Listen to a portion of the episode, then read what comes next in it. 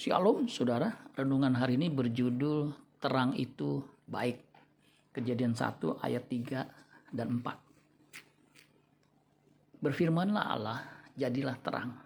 Lalu terang itu jadi. Allah melihat bahwa terang itu baik. Lalu dipisahkannya lah terang itu dari gelap. Yang pertama kali Allah ciptakan adalah terang. Lalu ketika terang itu jadi, Allah melihat terang itu baik dan memang sampai sekarang terang itu baik. Selamanya terang itu baik karena memang diperlukan oleh manusia. Kristus menyebut dirinya sebagai terang, terang yang sesungguhnya. Yohanes 1 ayat 9, terang yang sesungguhnya yang menerangi setiap orang sedang datang ke dalam dunia. Kristus sang firman itu adalah terang sesungguhnya yang menerangi setiap orang. Ia datang ke dalam dunia.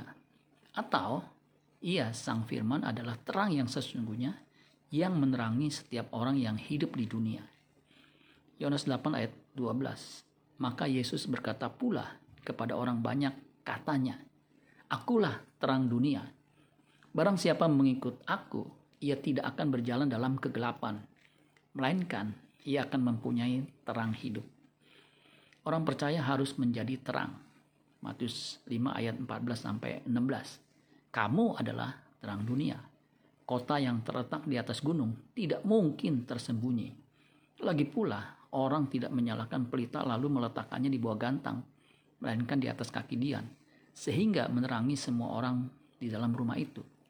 Demikianlah hendaknya terangmu bercahaya di depan orang, supaya mereka melihat perbuatanmu yang baik dan memuliakan Bapamu yang di sorga.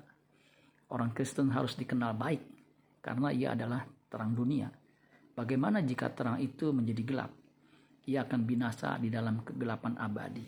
Tetaplah bersinar karena Anda adalah terang dunia.